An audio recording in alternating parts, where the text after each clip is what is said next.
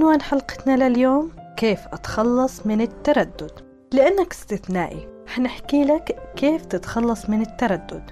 كتير منا بيعاني وهو بيتخذ قرارات مصيرية في حياته وبيضل متردد وهذا الإشي بيسبب له أزمة وبيخليه يفقد كتير فرص في حياته يمكن ما تتكرر فيندم إنه ضيعها. وبنفس الوقت بيخليه يشعر بالعجز عن تحقيق حلمه. وهدفه في الحياة وهذا كله لأنه فاقد الثقة بنفسه. فأول إشي لازم تتخلص من الخوف اللي بيخليك متردد.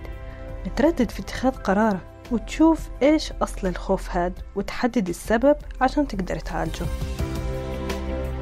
تاني إشي حدد هدفك في الحياة وتخيل سعادتك وأنت محقق هذا الهدف. لحظتها أكيد مش حتتردد. اسرح بخيالك. وشوف فرحتك. وإنت محقق هدفك هذا الإشي حيعزز ثقتك بنفسك وقدرتك على اتخاذ قرارك. لازم تفهم إنه الحياة مكسب وخسارة.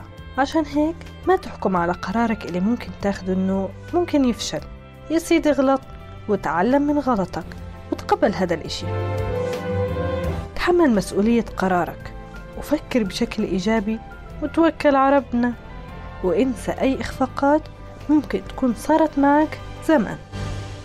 صحيح إنه هذا الإشي مش حيتحقق بين يوم وليلة لكن مع التمرين النفسي وتعزيز الثقة والقضاء على مصدر خوفك حتشوف إنه اتخاذ أي قرار صار إشي سهل.